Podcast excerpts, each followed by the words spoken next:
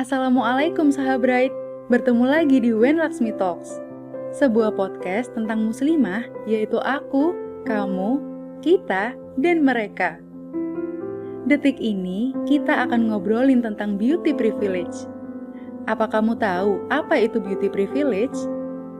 Pernah lihat orang yang cantik mendapat lebih banyak perhatian atau istilah pemakluman untung aja cantik?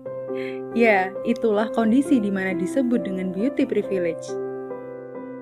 Jadi, benar apa benar sih kita itu harus cantik dulu baru bisa dapat hak istimewa?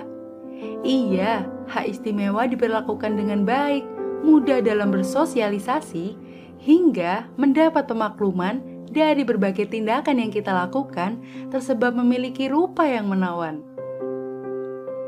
Nah, ngobrolin tentang cantik, setiap perempuan pasti ingin tampil cantik kan?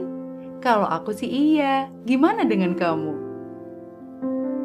Makna cantik itu relatif, dan setiap perempuan itu memiliki kecantikan yang khas kok. Iya, bener. Jadi, nggak harus ngikutin beauty standar yang cantik itu harus kulit putih, tubuh tinggi semampai, dan badan yang kurus. Allah pun udah mention di dalam Al-Quran. Dalam Islam, penilaian Allah terhadap manusia bukan terletak pada cantiknya fisik atau rupa, melainkan dari kecantikan hati yang terpancar akhlak mulia. Bagaimana muslimah menjaga izah dan ifahnya, serta senantiasa mengupayakan dirinya untuk terikat dengan syariat Allah sebab Allah menyukai keindahan, sebagai muslimah, kita juga wajib merawat dan menjaga keindahan diri.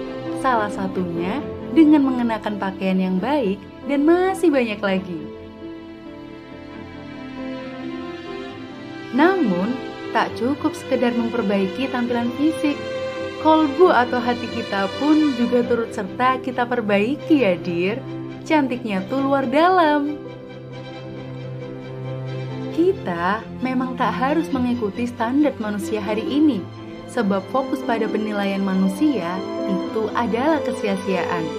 Maka, yang harus kita fokuskan adalah senantiasa memantaskan diri untuk menjadi muslimah yang lebih baik lagi di hadapan Allah.